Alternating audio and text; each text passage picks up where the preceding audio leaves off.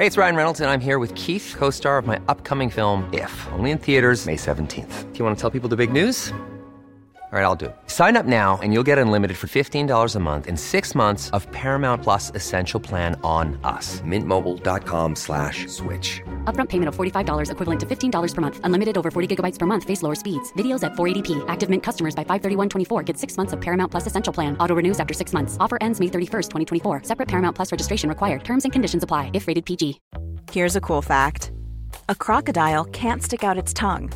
Another cool fact you can get short term health insurance for a month or just under a year in some states. United Healthcare short term insurance plans are designed for people who are between jobs, coming off their parents' plan, or turning a side hustle into a full time gig. Underwritten by Golden Rule Insurance Company, they offer flexible, budget friendly coverage with access to a nationwide network of doctors and hospitals. Get more cool facts about United Healthcare short term plans at uh1.com.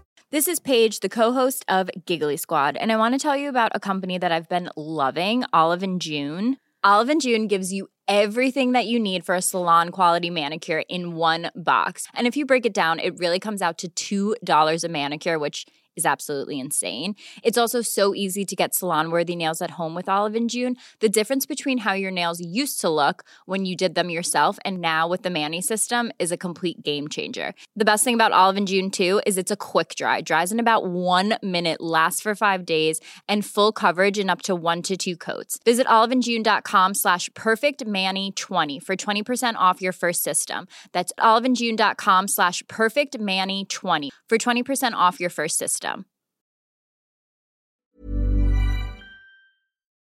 Gjenklang. Så til Lillehammer, som har reist seg igjen etter nederlaget i Lausanne. Kommunestyret i Lillehammer har i kveld vedtatt å kaste seg inn på kampen, i kampen på nytt for de olympiske vinterleker i 1994. Nei, la oss riste av oss OL-saken fortest mulig og begynne å gjøre noe i kommunen. Folk i Lillehammer er lei OL-diskusjonen, og de tror ikke at vi kan få OL. And just north of Oslo is Lillehammer, and waiting is our Tellensen. Yes, hello, so here is Lillehammer, 10 o'clock in the morning, and uh, we are very, very anxious to know the result of the voting. Beslutningen er Så tar han opp lappen, og vinneren er Kom med det nå, sa Marange. Si Lillehammer. Og jeg glemmer ikke han sto med konvolutten, sa Marange. Og så åpner han konvolutten og ser Han ser jo det som står der, før han leser. Og da ser jeg på ansiktsuttrykket at han er overrasket. The decision is Lillehammer. Lillehammer har vunnet! Lillehammer er tildelt de olympiske vinterleker 1994, og stemningen er fantastisk i Lillehammerleiren. På sletta nedenfor Lysgårdsbakken så står den pensjonerte eventyreren Thor Heyerdahl og skuespillerinnen Liv Ullmann. Mens snøen faller lett rundt de, taler duoen til 30 000 hvitkledde tilskuere. TV-seerne verden rundt gjør seg klar til å overvære åpningsseremonien for de 17. olympiske vinterleker. Ærede gjester, kjære publikum og TV-seere rundt om på hele jordkloden. Hjertelig velkommen til åpningsseremonien av de 17. olympiske vinterleker på Lillehammer i Norge. Distinguished guests, ladies and gentlemen, and television audiences around the world, we wish you most heartily welcome to the opening ceremony of the 17th Olympic Winter Games at Lillehammer, Norway. Chers, chers invités, mesdames et messieurs. På første rad på VIP-tribunen sitter Gerhard Heiberg. Da Lillehammer ble tildelt OL høsten 1988, var Heiberg konsernsjef i sementindustrien. Et år senere ble han oppringt av statsministeren som spurte om han kunne være villig til å ta på seg en viktig oppgave for det norske folk. Etter det så har Heiberg brukt all sin våkne tid på å planlegge en idretts- og folkefest. Men hans ferd fram mot øyeblikket har på ingen måte vært prega av fred og forbrødring. De siste ukene før 12. februar 1994 så har OL-sjefen knapt sovet om natta. De siste dagene har vært de verste i Gerhard Heibergs liv.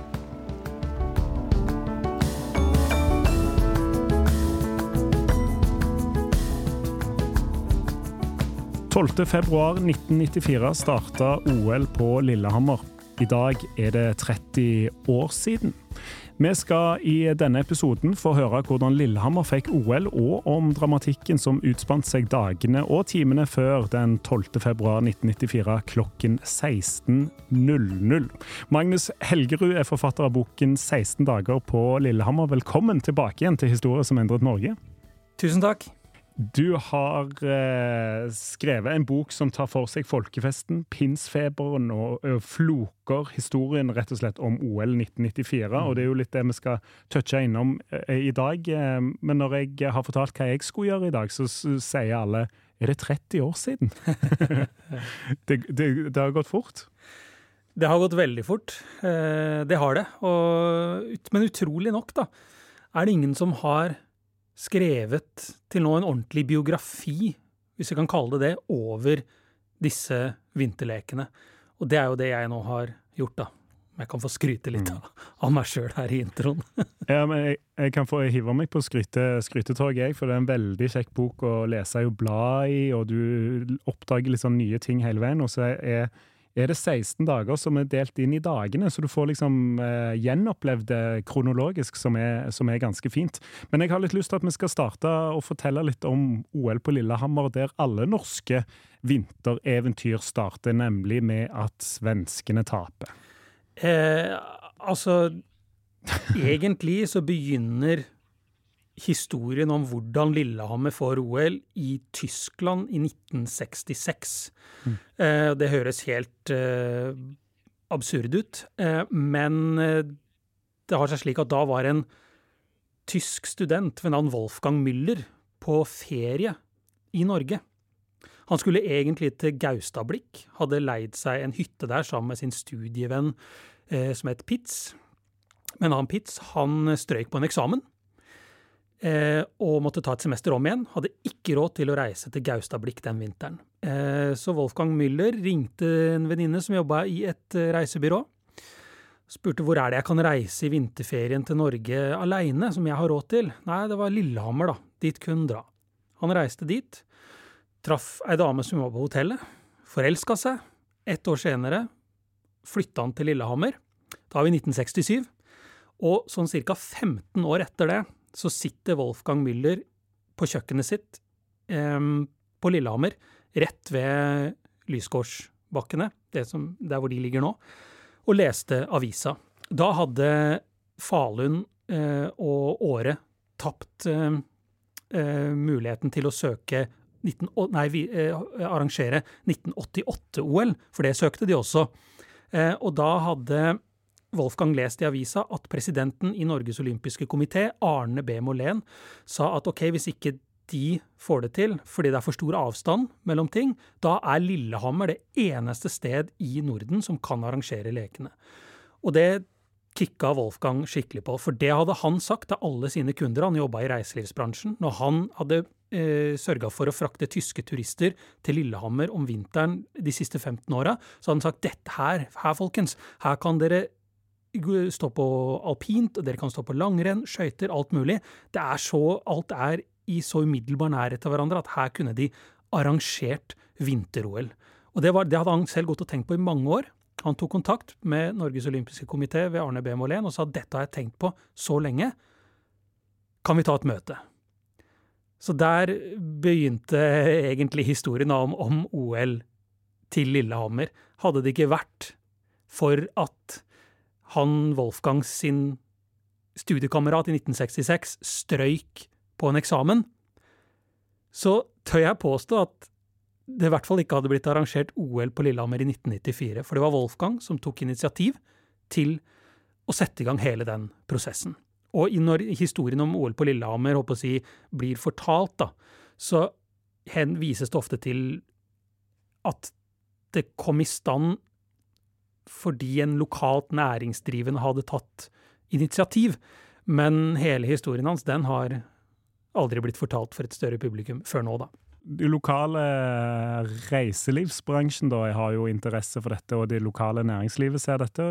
Og da er jo veien mot et OL å gå gjennom altså Det må jo bankes gjennom politisk, så jeg regner med at lokalpolitikerne i Lillehammer var positive til dette her. Og etter hvert så måtte vel staten inn òg, med garantier? Ja, absolutt. Altså en del av eh, grunnen til at eh, Lillehammer går om på at ja, vi søker et OL Altså de ble jo, ble jo omtrent latterliggjort i VG. Liksom, De fikk jo sånn lykke til med det når de sa de skulle søke i 92, men en del av argumentasjonen var jo rett og slett å bruke OL som et slags økonomisk lokomotiv for hele det som i dag på en måte er Innlandet. Da. Det var fraflytning og bedriftsnedleggelser det ene med det andre. Så det var absolutt en del av tanken, var å få i gang den, den regionen igjen.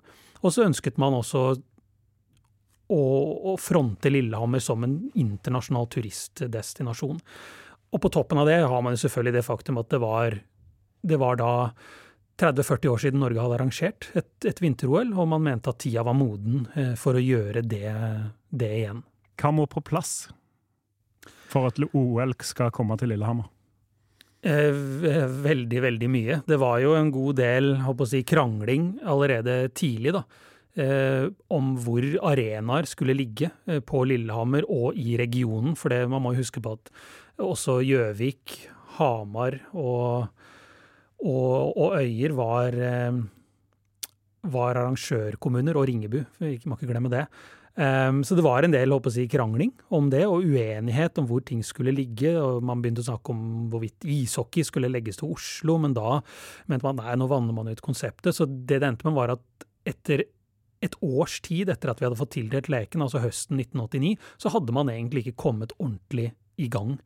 Uh, i hvert fall, Man var i hvert fall ikke på skjema, for å si det, for, å si det forsiktig.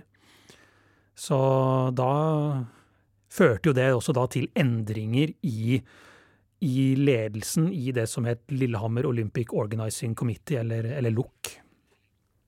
LOK, ja. Mm. Og da er det jo eh, da er det vel naturlig å trekke inn Gerhard Heiberg i, i, denne fortellingen, eh, Magnus. Ja. Eh, hvorfor blir han valgt til å lede hele prosjektet? Altså, Gerhard Heiberg han var eh, konsernsjef i sementindustrien. Eh, Aker og, og Norcem. Um, og han fikk en telefon uh, høsten 1989 av Norges statsminister Jan P. Syse. Gerhard hadde lagt seg for kvelden, og så ringte telefonen. Han tar den og får høre at ja, her er det er statsminister Jan P. Syse som ringer deg her. Jeg uh, vil gjerne at du skal ta på deg en viktig oppgave for det norske folk. Ja, uh, svarte Gerhard og satte seg opp i, opp i senga. Uh, Hvorpå Jan P. Syse sa ja, jeg vil gjerne at du skal bli LO-leder. Og Gerhard Heiberg skjønte ikke helt hva, hva, her, hva, hva, hva Hørte jeg riktig nå? LO-leder? Men jeg kan ikke det. Jeg er jo, jeg er jo næringslivsleder. Så ble det stille fra Jan P. Syse. Og så sa han ja, sa jeg LO? Jeg mente selvsagt OL. Og det var jo sånn at Eh, han som hadde vært eh, president da, for LUK, han eh, hadde trukket seg. Og de skulle ha en ny mann til å dra i land hele å si, forberedelsene til arrangementet, alt det det innebar med bygging av, av arenaer og, og, alt mulig annet. Og, og, det var Thorvald Stoltenberg som egentlig var det hete navnet i avisene. Eh, tenkte at han, han har pondusen til å dra dette i land, men valget falt da på, på Gerhard Heiberg næringslivsleder. Eh, og det første møtet han deltok på med, med LUK, da ble det ymta frempå om at kanskje vi skulle be IOC om utsettelse. Eh, fordi man ikke hadde kommet ordentlig i gang, og det var allerede dårlig tid. Og det Gerhard Heiberg sa da, det var at det kommer ikke på tale. Vi skal holde åpningsseremoni på Lillehammer den, nei, den 12 februar 1994 klokka 16 presis. Så han kom inn og var ganske fast i, i klypa. Ja, men det er jo òg når eh, lokalpolitikere eh, ønsker at en skal be eh, be, altså at Gerhard Heiberg skal ringe IOC og be de om å flytte på OL, fordi at vi ligger litt bakpå. Eh, det er jo, det er jo et, egentlig et fint bilde på hvor mye På de ulike kreftene han må, må ri da fram til denne åpningsseremonien. Eh, og det skriver du veldig godt om i, i, i boka di òg, Magnus. hva er det han strir med i årene før Lillehammer-OL kan åpne? Ja, det er mye, mye rart. Altså, eller, altså, det er jo en del helt normale ting, som f.eks. at det er mye diskusjoner rundt hvor mye det her skal koste oss. Fordi anslaget var 1 milliard kroner. I alle fall når de søkte om 92-lekene. Eh, men eh, det ble veldig raskt klart så fort Heiberg kom inn, sa at det, det anslaget det er ikke i nærheten av å holde. Og vi måtte opp på åtte milliarder. Og det er klart, når du, det første du gjør som nytiltrådt president for organisasjonskomiteen, er å gå ut offentlig og si at vi trenger sju-åtte ganger så mye penger, da blir jo folk litt gretne. Så det er klart det var en del politisk motstand mot at vi skulle bruke så mye penger på det. Eh, og det er jo egentlig helt forståelig, det er skattebetalernes eh, penger. Men han mm. sto jo også oppe i noen andre problematikker som i dag i hvert fall fremstår som ganske kuriøse og humoristiske, fordi det er jo alltid slik at et OL Det vil alltid være mange forskjellige interessegrupper som forsøker å bruke OL og den oppmerksomheten det fører med seg, til eh, å kaste lys på sin egen sak. Og posthylla til Gerhard Heiberg i de åra før OL, den var full av alle mulige rare krav. Altså, det var eh, eh antiabort-folk eh, som krevde Eh, vi skulle ha 16 abortfrie dager under de 16 dagene lekene varte, i hele Norge. Sånn, Ingen skal få ta abort i løpet av OL.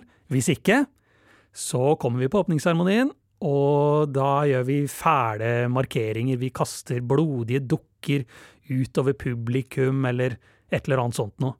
Og, og den, den trusselen der ble tatt såpass seriøst at de to som var de store antiabort gutta på den tida, altså i 94, de ble, var Ludvig Nessa og Børre Knutsen, var det ikke det de het da? Jeg blander alltid fornavna på de to. Men det er i hvert fall fornavn og etternavn er i hvert fall de. Eh, de ble arrestert sånn, eh, uten å ha gjort noe. De var på vei til Lillehammer i bil før åpningsseremonien. Ja. Den bilen den ble vinka inn til sida av politiet, og de ble satt i kasjotten. Fordi de var redd de skulle finne på noe sånt. Men det var jo også andre folk som forsøkte å blande seg inn i det her og få få gjennomslag for ting via oppmerksomheten OL førte til. Eh, det var eh, anti-hvalfangst-folk eh, i Greenpeace som hadde planer om markeringer. Det har blitt sagt i ettertid at de planla å bygge en gigantisk pappmasjé-hval som de skulle fly inn over åpningsseremonien. Og den pappmasjé-hvalen skulle være full av hvalblod og den skulle da liksom stikkes høl på på en eller annen måte, slik at hele åpningsseremonien ble dynka i, i hvalblod. Ja. Noen sier at den pappmasjévalen faktisk finnes den dag i dag i Tyskland, et eller annet sted, men at det ble stoppa på øverste hold i Greenpeace, for de sa at et eller annet sted går grensa også for oss, fordi det flyet hadde jo kommet til å bli skutt ned, altså, hvis de hadde bare flydd det inn over åpningsseremonien. Eh, og i tillegg så hadde man selvfølgelig anti-joik. Eh, folk som skrev inn til, til Gerhard Heiberg og mente det at joiking under åpningsseremonien, det kunne vi ikke ha, for det var noe hedensk opplegg, og vi levde da tross alt i et Norge som hadde vært kristent i nesten 1000 år. Så det er Han sto opp i veldig, veldig mye rare slike, slike situasjoner før lekene. Mm. Ja, det, altså, da, altså, både hvalfangst Altså hvalfangsten var jo Det var jo eh, mange utlendinger som på en måte ja. pekte på det, og altså satt mm. og Norge sammen eh, på den tiden, og det var jo nådde jo, nådde jo profilerte folk. Ja. Det var jo alt fra, fra, kongehus til toppolitikere til Hollywood-kjendiser som, som ja. ville boikotte lekene. Absolutt. Richard Donner, som var regissøren for Free Willy, for de som husker den uh, Disney-filmen, ja. som da handler om en gutts vennskap med en en hval. Han eh, gikk jo ganske sterkt ut og krevde at eh, amerikanske utøvere som typ Dan Jansen, store skøyteløperen, at han skulle boikotte OL på Lillehammer fordi Norge igjen hadde begynt med kommersiell hvalfangst. Eh, og han fikk det jo ikke som han ville, da. De amerikanske utøverne dro jo, selvsagt. Eh, når han ble Mm. intervjua, eh, Richard Donner, da, han dro jo selv til lekene som tilskuer. Han Ja. lot omtrent som ingenting når han på, ble intervjua på flyplassen i, i Stockholm før lekene av norsk presse. Da var det sånn nei, nei, nei, jeg har ikke noe imot Norge, men eh, jeg skal til Lillehammer nå og kose meg, jeg. Men det jeg har noe imot, er Gro Harlem Brundtland. Hun er like ille for Norge som det Quisling var. Så det han dro ganske hardt på, da. Så han ga henne, henne skylda for den kommersielle, at de hadde tatt opp den kommersielle hvalfangsten igjen. Eh, Men ja. på Lillehammer eh, så var det jo også de som si, benytta det momentet der da som anti-hvalfangstgjengen hadde satt i gang, for å spre det motsatte budskapet. For Steinar Bastesen, som var en veldig profilert eh, norsk politiker på 90-tallet, som vel var i det som da het Kystpartiet, han var jo skikkelig for hvalfangst, så han dro til Lillehammer og solgte T-skjorter med sånn pro hvalfangsttekster, med sånn at uh, intelligente mennesker spiser intelligent mat. og sånne ting. Så det er ganske mange som prøvde å benytte det momentumet, kan du si. Ja. Mm. Men altså, det, det kan jo ha en sprengkraft som, som, som jeg ser for meg at Høiberg måtte ta, ta ganske alvorlig òg. Der er jo store kommersielle aktører som Coca-Cola og, og, og liksom Mm. store amerikanske selskaper som, som kan begynne å trekke litt hvis det er for mange store Mm. profiler. Og du nevner Free Willy, en svær eh, Hollywood-produksjon på den tiden som, som gikk jo rett i kjernen på dette. Ja, ja, ja, absolutt. Og det, det var jo slik at en del av de henvendelsene tok man jo altså ikke seriøst i den forstand at man liksom tenkte at vi, vi må gi etter for noe. Men det krever jo ordentlige og redelige svar, å forholde seg til det på en hva skal jeg si, diplomatisk måte i pressen. Da. Det er jo Det blir jo selvfølgelig utfordrende når kravene blir rarere og, og rarere. Men man kan liksom ikke gå ut og gjøre narr av det heller, som president i, i LUK, da. Mom deserves the best, and there's no better place to shop for Mother's Day than Whole Foods Market. They're your destination for unbeatable savings, from premium gifts to show-stopping flowers and irresistible desserts. Start by saving 33% with Prime on all body care and candles. Then get a 15-stem bunch of tulips for just $9.99 each with Prime. Round out Mom's menu with festive rosé, irresistible berry chantilly cake, and more special treats. Come celebrate Mother's Day at Whole Foods Market. Hey, it's Ryan Reynolds, and I'm here with Keith, co star of my upcoming film, If, only in theaters, May 17th. Do you want to tell people the big news? All right, I'll do. it. Sign up now and you'll get unlimited for $15 a month and six months of Paramount Plus Essential Plan on us. Mintmobile.com slash switch. Upfront payment of $45 equivalent to $15 per month. Unlimited over 40 gigabytes per month. Face lower speeds. Videos at 480p. Active Mint customers by 531.24 get six months of Paramount Plus Essential Plan. Auto renews after six months. Offer ends May 31st, 2024. Separate Paramount Plus registration required. Terms and conditions apply if rated PG. Mom deserves the best, and there's no better place to shop for Mother's Day than Whole Foods Market. They're your destination for savings, from premium gifts to show-stopping flowers and irresistible desserts. Start by saving 33% with Prime on all body care and candles. Then get a 15-stem bunch of tulips for just $9.99 each with Prime. Round out Mom's menu with festive rosé, irresistible berry chantilly cake, and more special treats. Come celebrate Mother's Day at Whole Foods Market. Det er jo lett også å, å tenke tilbake igjen til litt nyere historie, da når uh, Oslo prøv, prøvde å få gjennom et, en, en OL-søknad for 2022. Mm. Uh, og da var det jo Det ble jo pekt på at uh, denne kravslista til IOC og disse, eh, det bildet av de, disse pampene som, som ble tegna, mm. og de kravene de hadde, at det var med på å liksom stoppe den prosessen og gjøre det liksom politisk vanskelig og, og, og god, god for en ny runde med, med OL i Norge. Men eh, dette var jo òg en debatt som kom før eh, 1994, og prega jo avisene eh, bare dagene før. Ja, i veldig, veldig stor grad. Um, det ble gjort meningsmålinger, Uh, som vel VG uh, fikk utført, som viste at ehm, ni av ti nordmenn hadde et svært dårlig inntrykk av IOC og deres president Juan Antonio Samaranc. det er eh, en ganske stor andel av Norges befolkning hadde et svært negativt inntrykk av, av IOC. Eh, og det er det jo mange grunner til. IOC har jo gjennom egentlig hele den olympiske historien hatt litt sånn, hva skal jeg si, image-problemer overfor vanlige idrettsinteresserte, så det er jo ikke noe, det er ikke noe nytt. Det er det ikke helt tilbake til ja, altså 1972-OL i München, hvor eh, elleve israelere akkurat har blitt tatt livet av av eh, terroristene fra Sorte september. Og mange vil ha at lekene skal stoppe, hvor Avery Brundage, presidenten i IOC, går ut og sier at 'the games must go on'. Det er ingenting som skal stoppe ja. OL. Um, så de har alltid vært um, hatt et lite image-problem, men før OL i 94 så handla det, som du sier, delvis om at IOC hadde en, en rekke krav og, og forventa å bli behandla på en veldig spesiell måte da, i, i Norge. Uh, men i all hovedsak så gikk den kritikken på eh, Juan Antonio Samaranc, IOC-presidenten, personlig. Fordi det ble klart da en bok, det kom ut en bok i 92 som heter Lords of the Rings, som handla om en del snusk i IOC opp gjennom åra.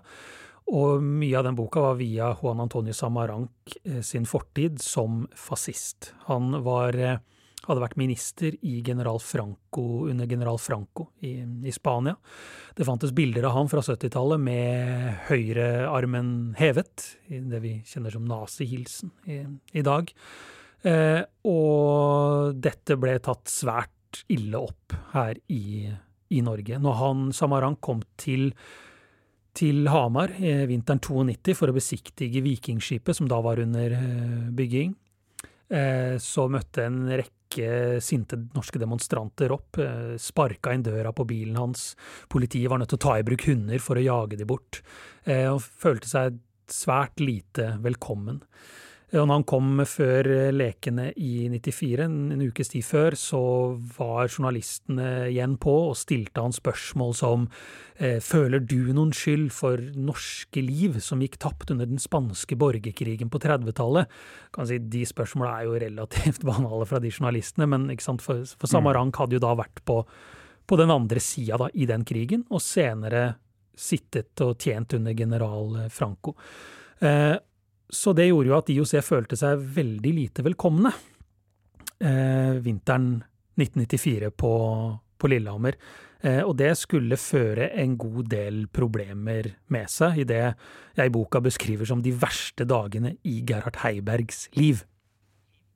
Ja, for det er jo han da som blir satt i denne spagaten for å lande både dette OL-et og for å um, egentlig blidgjøre litt IOC, for de har jo eh, en makt eh, i, mm. i, dette her. Fordi de truer rett og slett med å, med å, flytte lekene til Calgary. Calgary er klar, sier de, og de kan flytte disse lekene mm. eh, any, anytime. Og når han som da står i denne spagaten, i samme avisundersøkelse viser seg å være Norges mest populære mann på det tidspunktet, så, se, så, så får, han jo, får, han jo, et forklaringsproblem overfor, disse, eh, altså, overfor IOC-sjefen.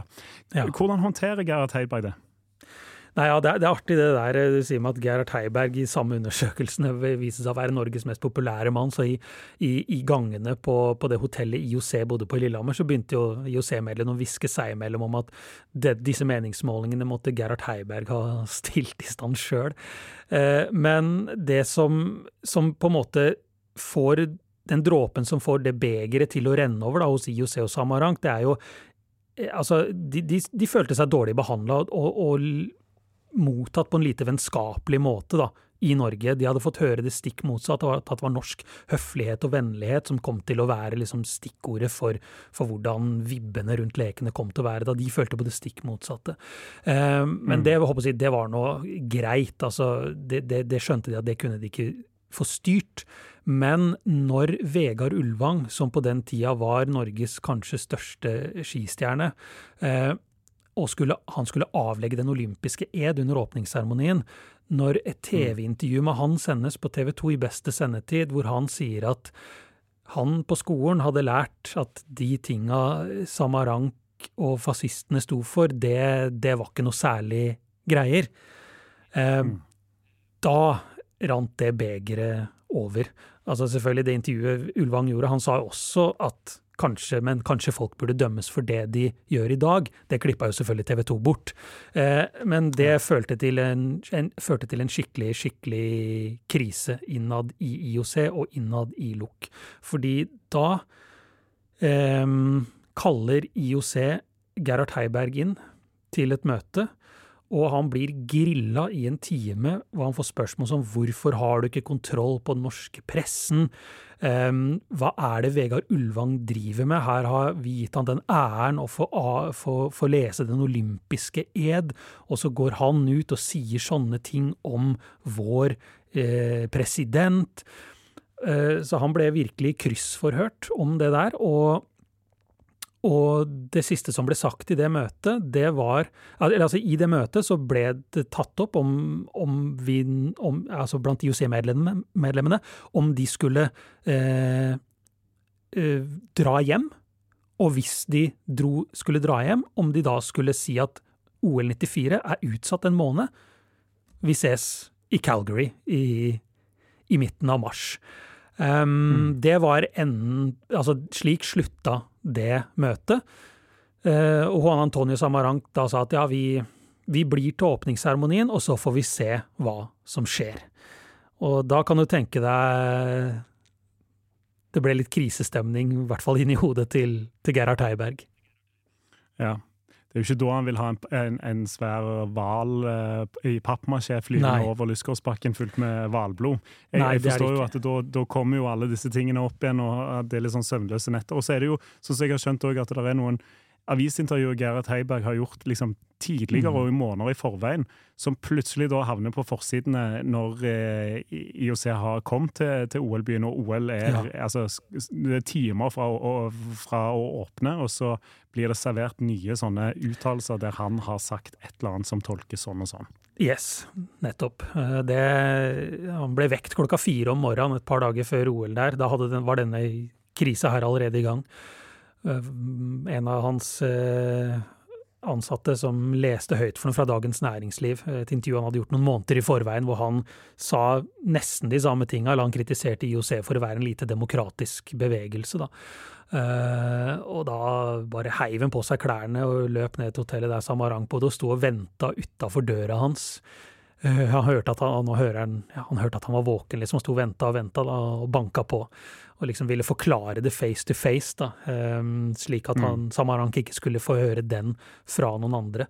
Men det, akkurat det tok Samarank helt ok. Han sa ja, ja, det pressen liksom, de, de, vrir ting litt, og vi, vi, har sagt vi blir til avslutning, nei, til åpningsseremonien, og så, så, har vi et styremøte etter det, og så får vi se hva, mm. hva, hva vi lander på.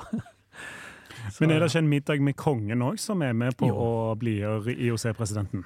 Jo, for det som da skjer, da, det er jo at Gerhard Heiberg skjønner at ok, her må jeg gjøre et eller annet. Um, så eh, han tar opp telefonen og ringer til en gammel barndomskamerat. Eh, denne barndomskameraten er da kongen. Eh, og Gerhard Heiberg sier eh, jeg trenger hjelp. IOC truer med å reise hjem, og i verste fall ta med seg hele OL. Det kongen svarte, det var la dem bare dra hjem. på humoristisk vis, da. Han er kjent for å ha, skyte litt fra hofta på, på slike ting. Eh, men, eh, men, fra spøk til alvor, da, så sa kongen bare la meg høre med, med Sonja. Eh, så ringer jeg deg opp igjen. Eh, og når kongen ringte Gerhard opp igjen, så sa han jeg inviterer eh, deg og din kone og Samarank og hans kone til middag her hos oss i kveld. Da var de oppe på Lillehammer, da. Eh, mm. Og den middagen den ble holdt, eh, og Samarank var veldig, veldig glad i statsoverhoder og kongelige. Han så veldig opp til det. Han, han, han krevde selv å bli kalt Deres Eksellense som president i IOC, så han var veldig sånn, kall det en fetisj for kongelighet, eller noe sånt. Ehm, så han dro på den middagen, og han drakk vanligvis ikke alkohol, samme rank. Men ehm, han under den eh, middagen, fortalte Gerhard Heiberg meg, så, så, drakk han både vin til maten og nippa til en konjakk til desserten og var veldig imponert over kongen og dronningen og alt det de visste om OL-historie og om olympismen ja. som idé.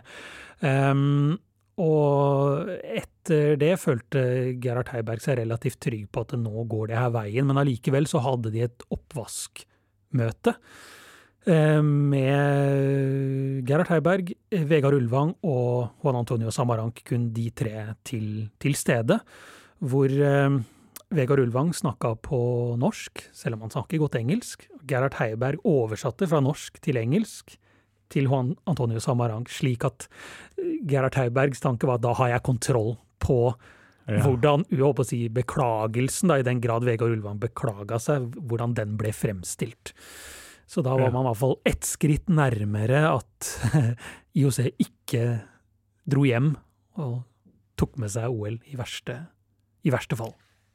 Men det var vel òg noen gretne grekere, leste jeg i boka di, Magnus, eh, som eh, hadde, hadde noe å si om, om ilden. Fordi eh, den Det var jo eh, det var jo et bilde vi ville ha her i Norge, at den ilden skulle hentes fra Morgedal, skisportens vugge. Men det bryter jo litt med den olympiske ideen. Ja, det var jo slik at det var to håper å si, OL-ilder. Eh, man har den offisielle, som tennes i Olympia, nede i Hellas, og som går gjennom Europa opp til Lillehammer. Og så hadde man Morgedalsilden, som ble tent i skisportens vugge, Sondre Norheims stue, eh, i Morgedal. Og den, det var jo det som var fakkelstafetten i Norge, da. En slags kulturfestival på hjul som, som rulla rundt i Norge i, i flere måneder. og den Fakkelen ble da løpt fra, fra, sted til sted. Og så ønsket man at begge de to flammene skulle, skulle møtes, de skulle krysses, eh, når den offisielle OL-ilden kom til Norge. Men det ville grekerne ha seg frabedt. Det er liksom en av de store, av de store symbolene deres, og som de hegner veldig, veldig om. Eh, men Luck og Gerhard Heiberg sto ganske lenge på sitt og sa at jo, det, det ønsker vi at skal skje.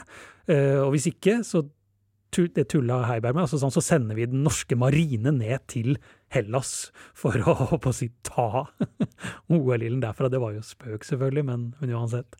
Eh, og, og, men det kom på trykk? Ja, det kom på trykk. Og, og, ja. grekerne jo da, gikk jo enda mer i forsvarsposisjon.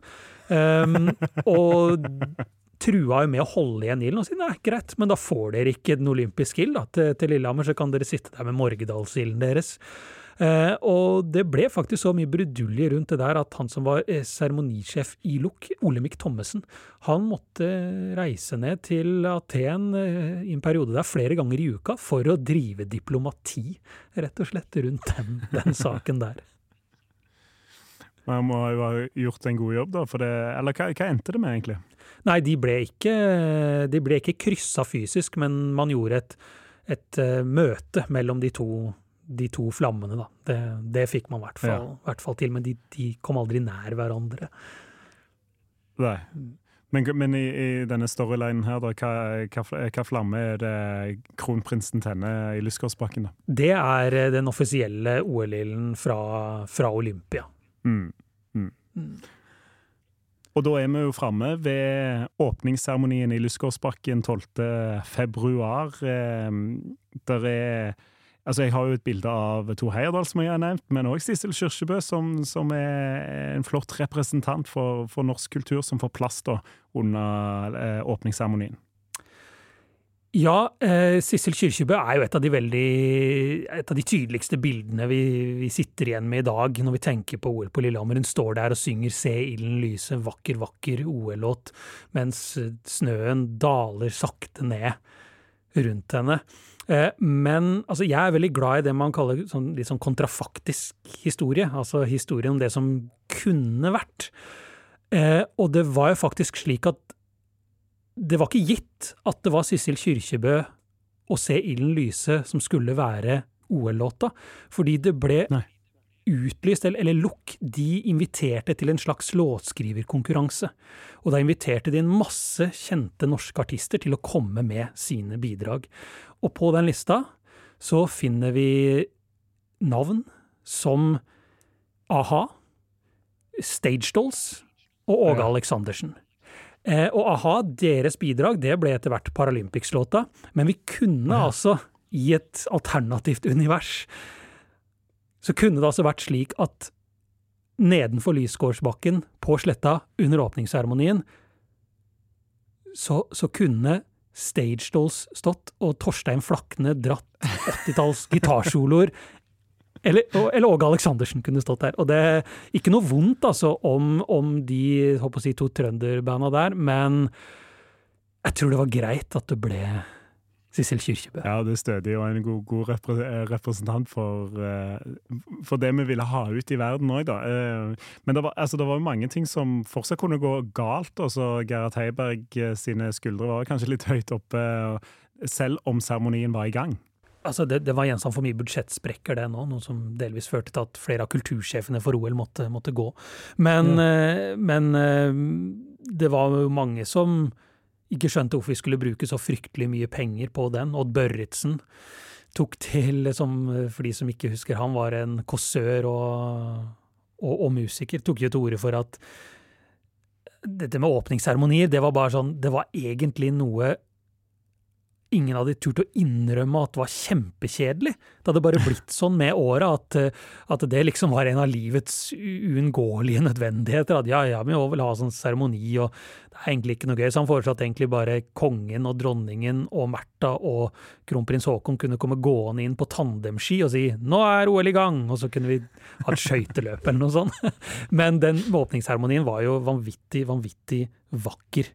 Eh, rett og slett. Um, og Um,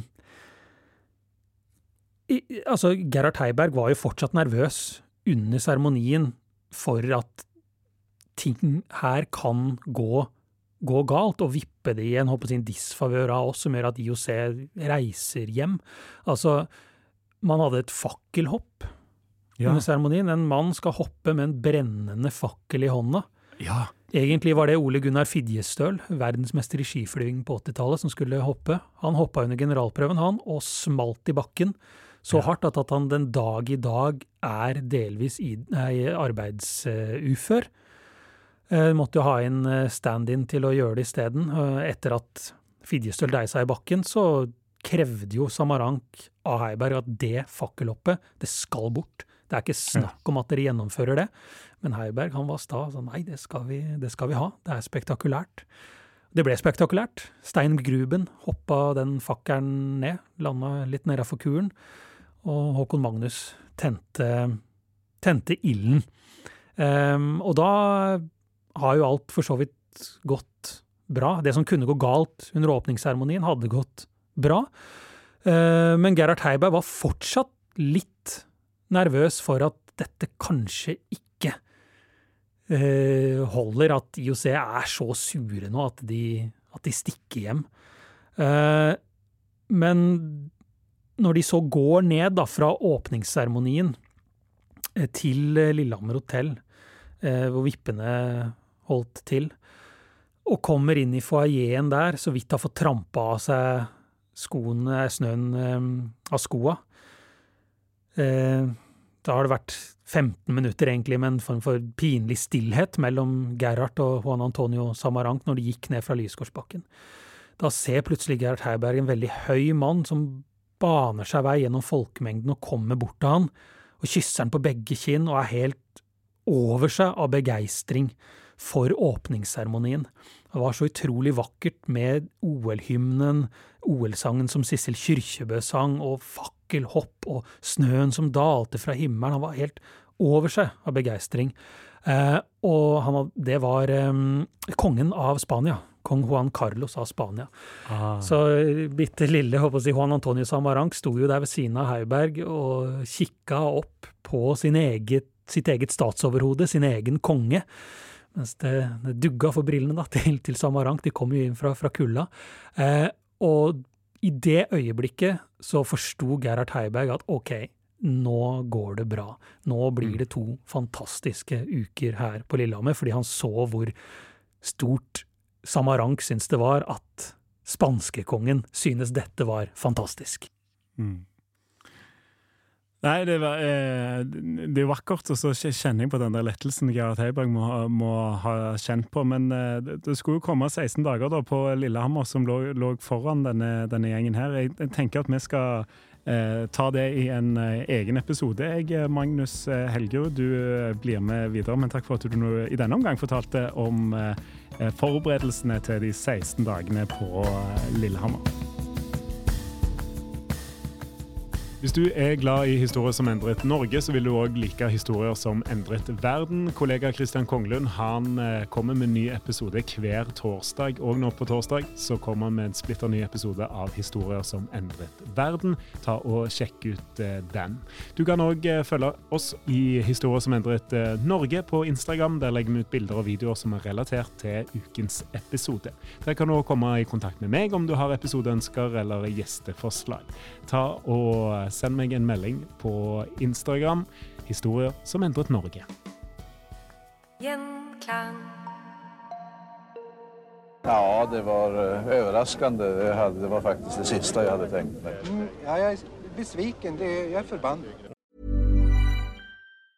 Mom deserves the best, and there's no better place to shop for Mother's Day than Whole Foods Market. They're your destination for unbeatable savings, from premium gifts to show-stopping flowers and irresistible desserts. Start by saving 33% with Prime on all body care and candles. Then get a 15-stem bunch of tulips for just $9.99 each with Prime. Round out Mom's menu with festive rosé, irresistible berry chantilly cake, and more special treats. Come celebrate Mother's Day at Whole Foods Market. Hi, this is Craig Robinson from Ways to Win, and support for this podcast comes from Invesco QQQ, the official ETF of the NCAA. The future isn't scary. Not realizing its potential, however, could be. Just like on the recruiting trail, I've seen potential come in many forms as a coach. Learn more at Invesco.com slash QQQ. Let's rethink possibility. Invesco Distributors, Inc. Even on a budget, quality is non-negotiable. That's why Quince is the place to score high-end essentials at 50 to 80% less than similar brands. Get your hands on buttery soft cashmere sweaters from just 60 bucks, Italian leather jackets, and so much more. And the best part about Quince, they exclusively partner with factories committed to safe, ethical, and responsible manufacturing. Elevate your style without the elevated price tag with Quince. Go to quince.com slash upgrade for free shipping and 365-day returns.